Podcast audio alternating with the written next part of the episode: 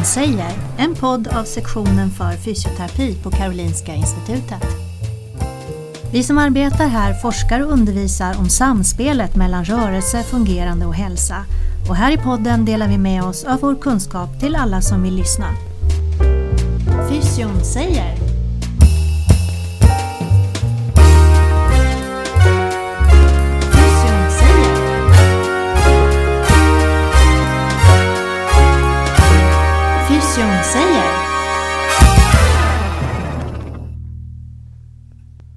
Ja, välkommen till ett nytt avsnitt av Fysion säger. Mitt namn är Wim Groten och jag jobbar på neurobiologi, vårdvetenskap och samhälle, sektionen för fysioterapi. Jag är docent och undervisar mycket. Idag har vi Marie Kierkegaard på besök. Vi kommer att prata om MS. Ja, välkommen hit Marie! Eh, vi måste naturligtvis börja med din bakgrund. Vad har du för något i din portfölj? Vad har jag i mitt bagage? Ja, eh, ja jag är ju sjukgymnast, legitimerad sjukgymnast fortfarande. Jag har inte bytt titel. Mm. Nej, men det heller. kommer jag kanske göra. Eh, man kan säga att jag har en bakgrund inom sjukgymnastik och neurologi. Mm. Eh, Där har jag ägnat största delen av mitt liv. Jag började 1987 på Karolinska Universitetssjukhuset och började då inom stroke och var väldigt engagerad i det. Och sen har jag bytt lite olika banor inom neurologi. Jag har varit inne på många neuromuskulära sjukdomar, både när det gäller kartläggning, behandling, Mm. träning. Det var mitt eh, forskningsområde faktiskt som eh, doktorand. Och sen har jag även varit eh, involverad i forskning kring ALS, Mm. amyotrofisk lateralskleros. Eh, och nu har jag lite grann här på ålderns höst om man säger så, eh, kommit in på banan att dels vara lärare här på sektionen för fysioterapi. Eh, kombinerat med klinik eh, Ja. inom MS på det som heter Akademiskt specialistcenter. Mm. I Stockholm. Ja, i Stockholm, Centrum för neurologi. Mm. Alltså det är inom primärvården men det Ja. är universitetsvård som bedrivs inom primärvården kan man säga. Där vi har tagit över en del av den vård som tidigare bedrevs på Karolinska Universitetssjukhuset i Solna och delvis i Huddinge. Så att där går personer med MS och personer med Parkinson. Och jag träffar företrädesvis då personer med MS. Ja, för det är dagens ämne Ja, i podden. multipel Vad skleros. är MS? Multipel skleros. Och då måste vi veta hur ofta förekommer det i Sverige och i världen? Är det olika? Vad är det Ja. för riskfaktorer? Oj, ja. Ja. Mm. Eh, ja men multipel skleros är ju en, man säger att det är en autoimmun då, kronisk neuroinflammatorisk och neurodegenerativ sjukdom som debuterar i ganska tidiga åldrar. Pucken är mellan 20 till 40 och företrädesvis kvinnor, kvinnor, ungefär två till tre kvinnor mot en man kan man säga. I Sverige så beräknar man att det finns ungefär 20 000 personer med MS. Eh, incidensen, det vill säga antalet nyinsjuknande, eh, brukar anges till en, ska vi se, 10 per 100 000. 10 per 100 000. Ja. Ja. Jag läste någonstans att risken att insjukna i MS, det är ungefär 2 på 1000 i Sverige. Ja. Och det är lite högre än resten av världen va? Ja, det, det är en liten spridning så att vi här uppe i de- norra delarna i hemisfären Mm. Världen, i ja. världen har en ökad risk och det har säkert att göra med att vi har en viss eh, gentyp. Ja. Att det kan vara så att vad som orsakar MS, eh, det direkta liksom vad som utlöser, det vet man inte men, men det är, är troligtvis en kombination av genetiska faktorer och miljöfaktorer. Ja. Eh, Det är inget direkt, alltså många med MS, man säger att ungefär en femtedel har någon släkting med också sjukdomen, men det är ingen direkt genetisk nedärvning, utan det är en kombination. Någonstans. Ja. Ja. Miljöfaktorer som, som anses ha betydelse, det kan vara att man har haft körtelfeber, Ja. övervikt i, i, ungdomen. Eh, Rökning. i Rökning, där Mm. har vi en riktig, en riktig riskfaktor och också en faktor som påverkar prognosen. Ja. Så sämre prognos, För rökare. ja, Mm. så absolut att om man har MS och röker, Mm. sluta. Jag gjorde lite, absolut. Eh, Jag gjorde en liten eh, koll här. Jag såg att eh, om man säger prevalensen, då förekomsten var 190 per 100 000 Mm. i Sverige. I Mm. världen är det 33. Ja. Men eftersom eh, vi ska jämföra oss med de som bor lite högre upp i Norden. Då så- såg jag att Skottland hade 290, så 100 Mm, mer. mm. Och Nordirland också där någonstans. Sen är det ju så här att i Sverige är vi Mm. väldigt bra nu på att ställa diagnos och vi har ett kvalitetsregister som Mm. heter Neuroregistret. Vilket gör att vi har nog väldigt god kontroll och Ja. kunskap, vetskap om hur många personer som har MS och vi kan följa personerna Ja. över tid vilket har varit fantastiskt. Mm. Eh, Det har varit fantastiskt både för att vi kan säga saker om de här sjukdomsmodellerande behandlingarna Ja. men också att vi vet väldigt mycket och vi kan då rikta våra insatser på ett väldigt bra sätt. Så, Just. så det, det måste man säga, där, där är vi långt framme i Sverige. Mm. Lite om diagnosen och hur ställer man? Är det fysioterapeuter inblandat i det? Eller mest Eh, läkare? Det kan vara fysioterapeuter därför att eh, diagnosen den ställs för först på symptom. Ja. Så att det kan ju vara att det kommer en patient med lite diffusa symptom till en Mm. sjukgymnast. Det, det har hänt. Balans. Men vad, ja, beroende på var man får skovet eller Mm. Inflammationen så blir det olika symptom. Mm. Förut så sa man att det vanligaste kanske, eller det som många känner igen är att man får en synnervsinflammation och precis. synrubbning. Ja. Men det är inte alls säkert att det är det första Nej, symptomet. Det kan vara lite diffusa domningar, känselnedsättningar, men också svaghet, Ja. trötthet. Ja. Mm, så det är lite olika.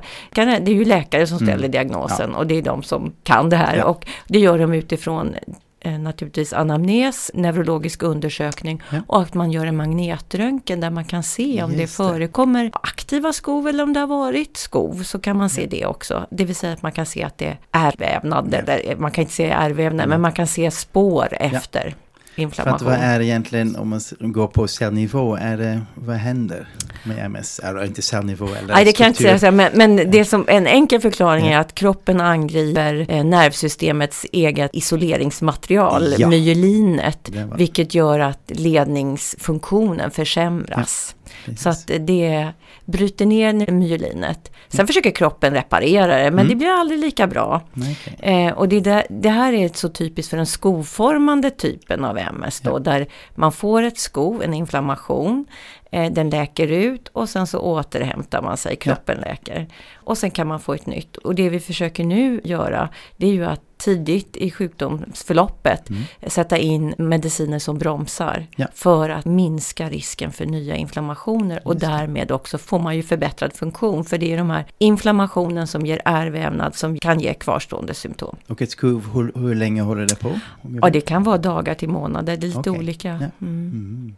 Ja, då fick vi lite bakgrund om MS. Då är min första fråga, vad ska en fysioterapeut göra med en MS-patient? Ja, det finns jättemycket tänker jag. Mm. Eh, Allt från eh, någon som har fått, ny, alltså fått sin diagnos väldigt nyligen. Där har man en stor och viktig roll till att eh, informera sakligt och Ja. peppande Mm. om att det faktiskt är bra med fysisk aktivitet och träning. Just det. Ska man träna när man har MS? Ja, jätte, jättebra fråga för det finns verkligen eh, gamla myter men det Mm. finns nya rön. Det är så här att det är inte farligt att träna vid MS.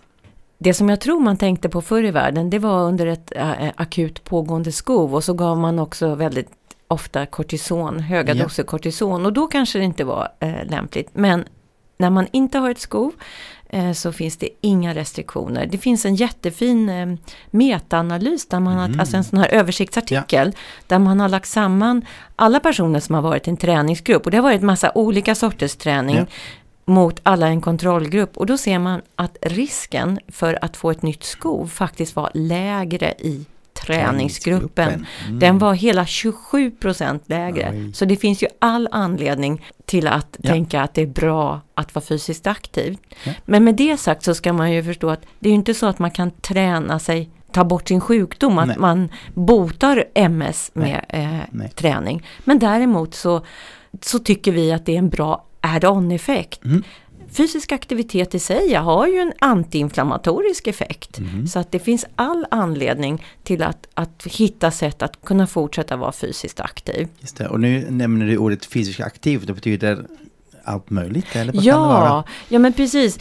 Ofta så tänker folk när man säger fysisk aktivitet att det måste vara att man går till ett gym eller Ja. är med på något eh, hårt Träning. eh, tränings... Ja, precis. Springer, eh, löpning eller Mm. så vidare. Nej, men fysisk aktivitet är ju all rörelse som gör Mm. att vi egentligen ökar vår ämnesomsättning utöver Mm. den vi har i vila. Så att även eh, det här vardagsaktiviteter Mm. är jättebra form av fysisk aktivitet. Så allt Det som, som man- inte är stillasittande. Ja, precis. Så mi- mina första råd, beroende på vem man Mm. träffar, Ja.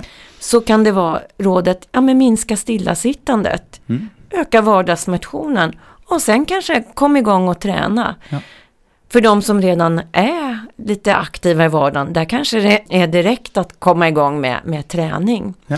Och den träning som, som man kan säga att det finns evidens för, Ja. vad som är forskat, det är samma som gäller för alla människor. Mm. det vill säga de allmänna rekommendationerna för fysisk aktivitet ur ett hälsoperspektiv. Ja, hur 150 minuter eller någonting sånt per vecka. Ja, precis. Någon, någon form av aerob aktivitet och med det så menar vi lite pulshöjande. Ja. Så minst 150 minuter i veckan på det vi kallar måttlig intensitet. Ja. Ja, det kan vara svårt att veta vad det är, men då kan man tänka att det ska kännas något ansträngande. Mm. Du ska bli varm, kanske lite svettig, du känner att pulsen går upp. De här 150 minuterna, de ska ju vara fördelade förstås på Ja. flera dagar. Mm. Så det går inte att göra allting på en dag och sen lägga sig på sofflocket. Nej. Nej, it doesn't work. Doesn't work. Så att eh, utspritt över dagarna. Ja. Sen så är det bra att man också gör lite muskelstärkande. Mm. Och det kan vara på ett gym, men det kan också vara i, i din vardag, att du jobbar Mm. i trädgården och så. Men man behöver göra aktiviteter där man får lite träning för sina muskler. och Just det är det. benmuskler och armmuskler och bålmuskler. Så alla kroppens Mm. Muskler kroppens. behöver egentligen få en där omgång. har vi nästa myt kanske att Mm. jag har hört att MS-patienter har lite spasticitetproblem. Mhm. Eh, och då styrketräning på spastiska muskler brukar man säga ajabaja på. Ja, just det. Men hur är det med den myten då? Ja, den är nog också en, eh, eh, verkligen en myt. Det som kan vara svårt är ju att kunna utföra Ja. rörelser om man har en, en tonusökning. Ja. Men, men det finns inget som säger att tonusen skulle bli värre värre. eller så. Nej. Nej. Och det finns väl en kollega till oss som har tittat på det Mm. när det gäller stroke, Margareta Engart, Ja.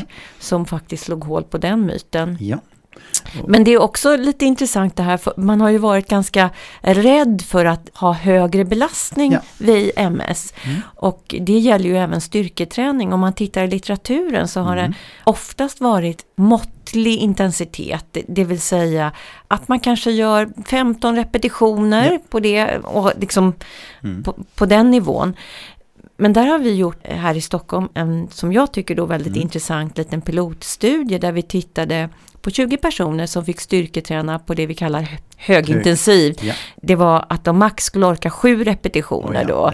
Så att det, det var kring 80% av ett repetitionsmaximum som vi kallar det Mm. inom eh, träningen och branschen.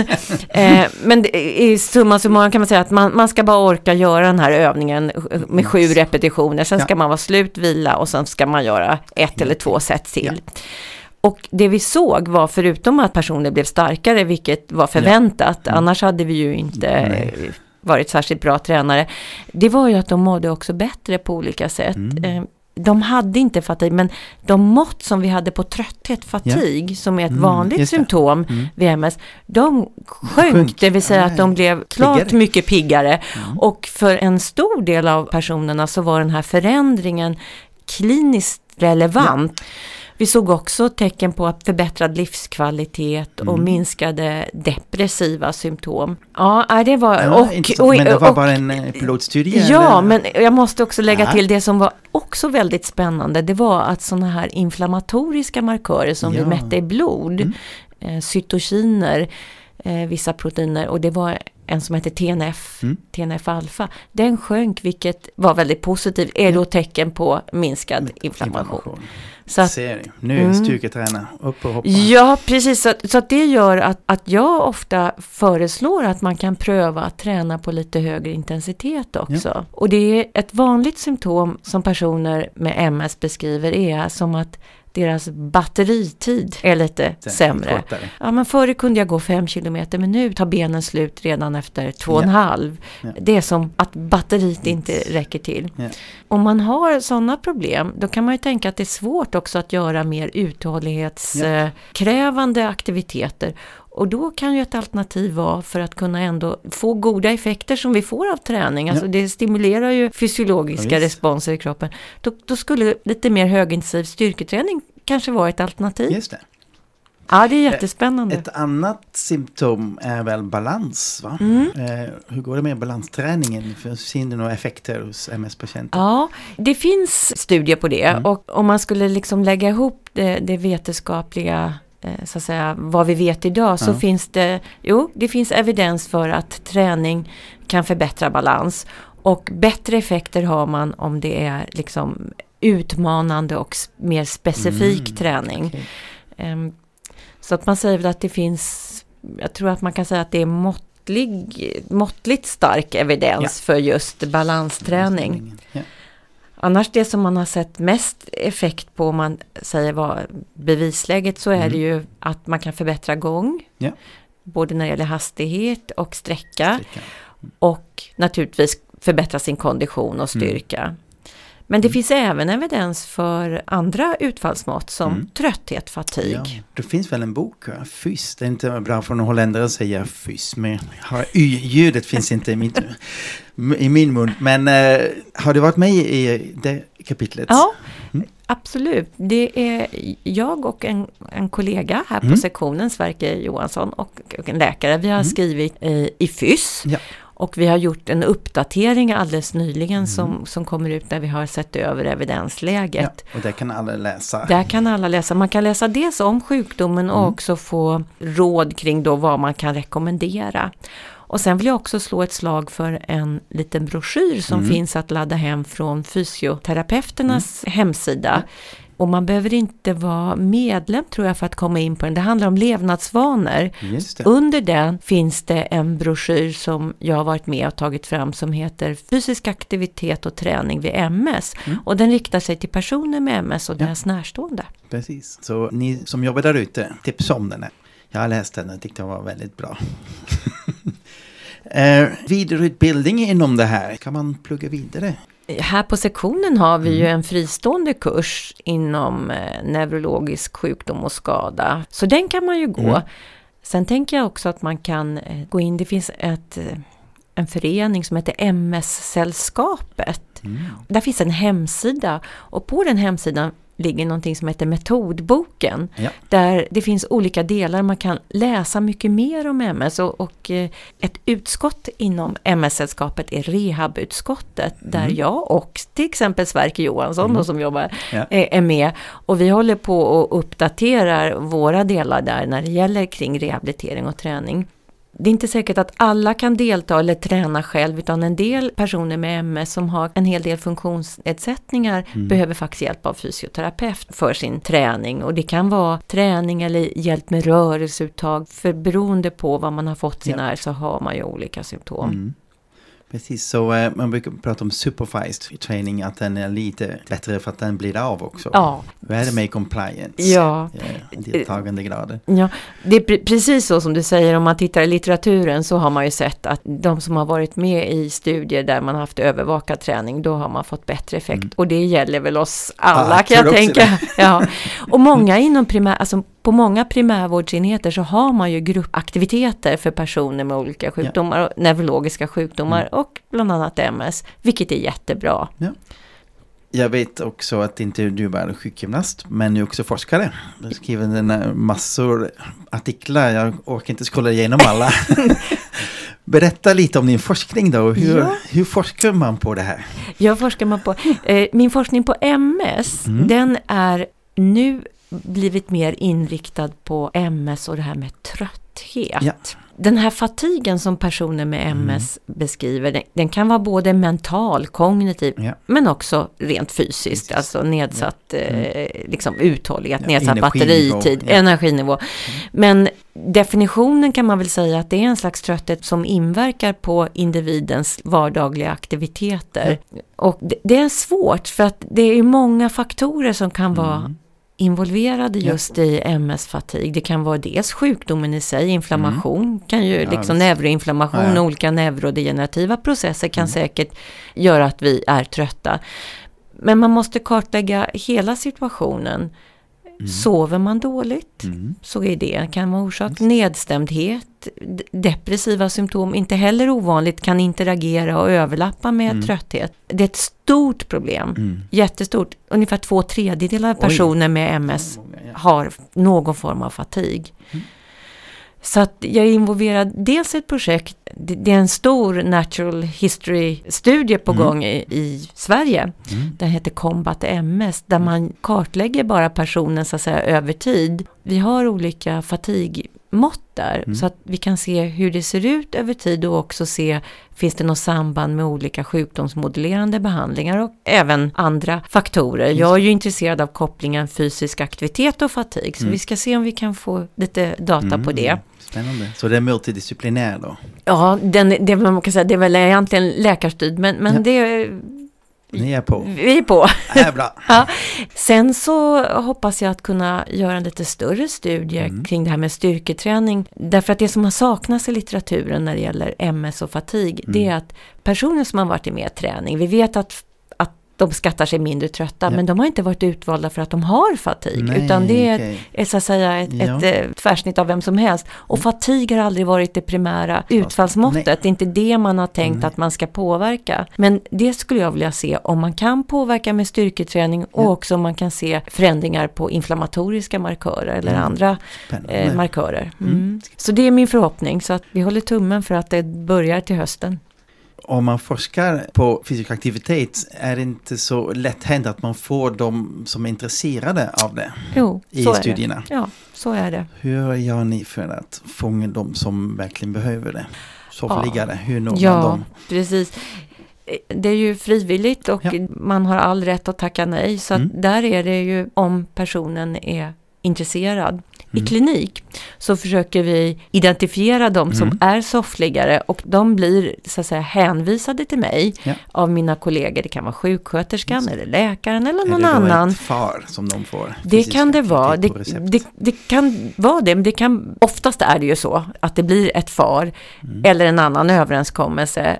Men i, till att börja med i alla fall ett samtal mm. kring det här och kanske ett till. Och är det så att man behöver många samtal eller man känner att det mm. inte är läge för att direkt skriva ut ett FAR här och nu och vi har begränsad möjlighet att följa upp patienterna. Ja. Då hänvisar jag vidare och skickar till primärvården ja. för just få den här stödet och rådet. Ja. För det är jätteviktigt. Det är jätteviktigt. Mm. Vi försöker verkligen i klinik fånga upp dem och det är kan man säga en prioriterad grupp mm. att träffa för mig på kliniken. Nydiagnostiserade, de som är fysiskt inaktiva och sen så även eh, viss utvärdering av eh, vissa mediciner som vi gör som fysioterapeuter. Mm. Vi börjar närma oss slutet här och jag har hört att du och dina kollegor har fått lite medel för att forska vidare. Vad är nästa projekt? Ja men det är ju jättespännande projekt. Det är ett projekt som handlar om self-management mm. och fall. Alltså okay. hur personer med MS ska kunna förebygga ja. fall. Jag vet inte, finns det något bra svenskt ord för self-management? Oj, fråga inte en holländare om Nej. Ja, men hjälp till självhjälp kan man väl ja, säga. Ja. Men projektet det är att i samverkan med patienter och hälsoprofession att utveckla det här self-management-programmet. Mm. Så det är en så kallad sån här co-design-studie. Mm. Så det är fas 1 ta fram ett program. Det finns eh, redan olika sådana här program. Ja, och ja, en, eh, eh, ja, precis på andra sjukdomar. Men det som är specifikt med det här och nytt, det är att det riktar sig till personer som både är uppegående ja. men också är rullstolsburna. Och det har inte varit förut, utan det har mest varit till uppegående. Så man har helt glömt personer som faktiskt eh, använder rullstol. Och det är väldigt lätt hänt när man förflyttar sig från rullstol till säng. Ja, det är då ja, som ja. fallen uppstår. Mm. Precis, så det blir spännande. Så det första är att utveckla själva programmet. Ja. Och då får man ju ta med det som vi vet från litteraturen och, och tidigare. Och, och, en i forskargruppen, eh, Liz, som hon kommer från Chicago och har mm. gjort en liten pilotstudie mm. redan kring det här. Så att från ett eh, amerikanskt perspektiv har vi kunskap. Efter den så är nästa då fas att eh, göra en randomiserad kontrollerad studie Ja. för att se om det har effekt det här programmet. Och samtidigt som vi gör den här så kommer det ju bli forskning kring själva processen. Mm. Så att eh, man, man forskar både fram det och hur, forskning kring hur det har kommit fram. Ja. Så att, ja, men jättespännande. Ja, roligt, grattis. det. Ja, men det, är, det är ju jättespännande det här Mm. fallprojektet och vi hoppas kunna knyta det också naturligtvis till Akademiskt specialistcenter, Centrum för neurologi. För där har ju vi ett uppdrag att knyta forskning och utveckling närmare vården Mm. Ja. och även utbildning ska jag säga. Att, eh, ja. Är det något sista ord som ni vill ge oss till lyssnare? Jo, men en sak som jag tänker är viktigt när det gäller MS. Många personer har en ganska felaktig bild Mm. när de tänker på någon som har MS. Det de ser framför sig det är en rullstol och Mm. en svårt drabbad. Så är det inte idag. Eh, det vill jag verkligen och det är någonting som jag eh, vill liksom trycka på när jag Mm. träffar personer som har nyligen fått sin diagnos. Det är en sån stor skillnad att få MS idag när vi har de här bromsmedicinerna och den här Mm. kunskap. Och det pågår hela tiden forskning. Ja. Så att jag ser väldigt positivt på, Framtiden. på, ja, och på möjligheten att det inte alls liksom behöver vara så illa. Nej. Utan det finns jättemånga personer som har MS som du har ingen aning om, du ser inte på dem. Mm. Och vi jobbar ständigt på att förbättra vårt omhändertagande och forska vidare på hur kan vi göra livet bättre för personer som Mm. har MS. Ja, stort tack att du kom till studion idag. Marie. Tack för att jag fick komma. Tack. Du har lyssnat till podden Fysion säger, en podd som sänds från sektionen för fysioterapi på Karolinska Institutet. Fysion säger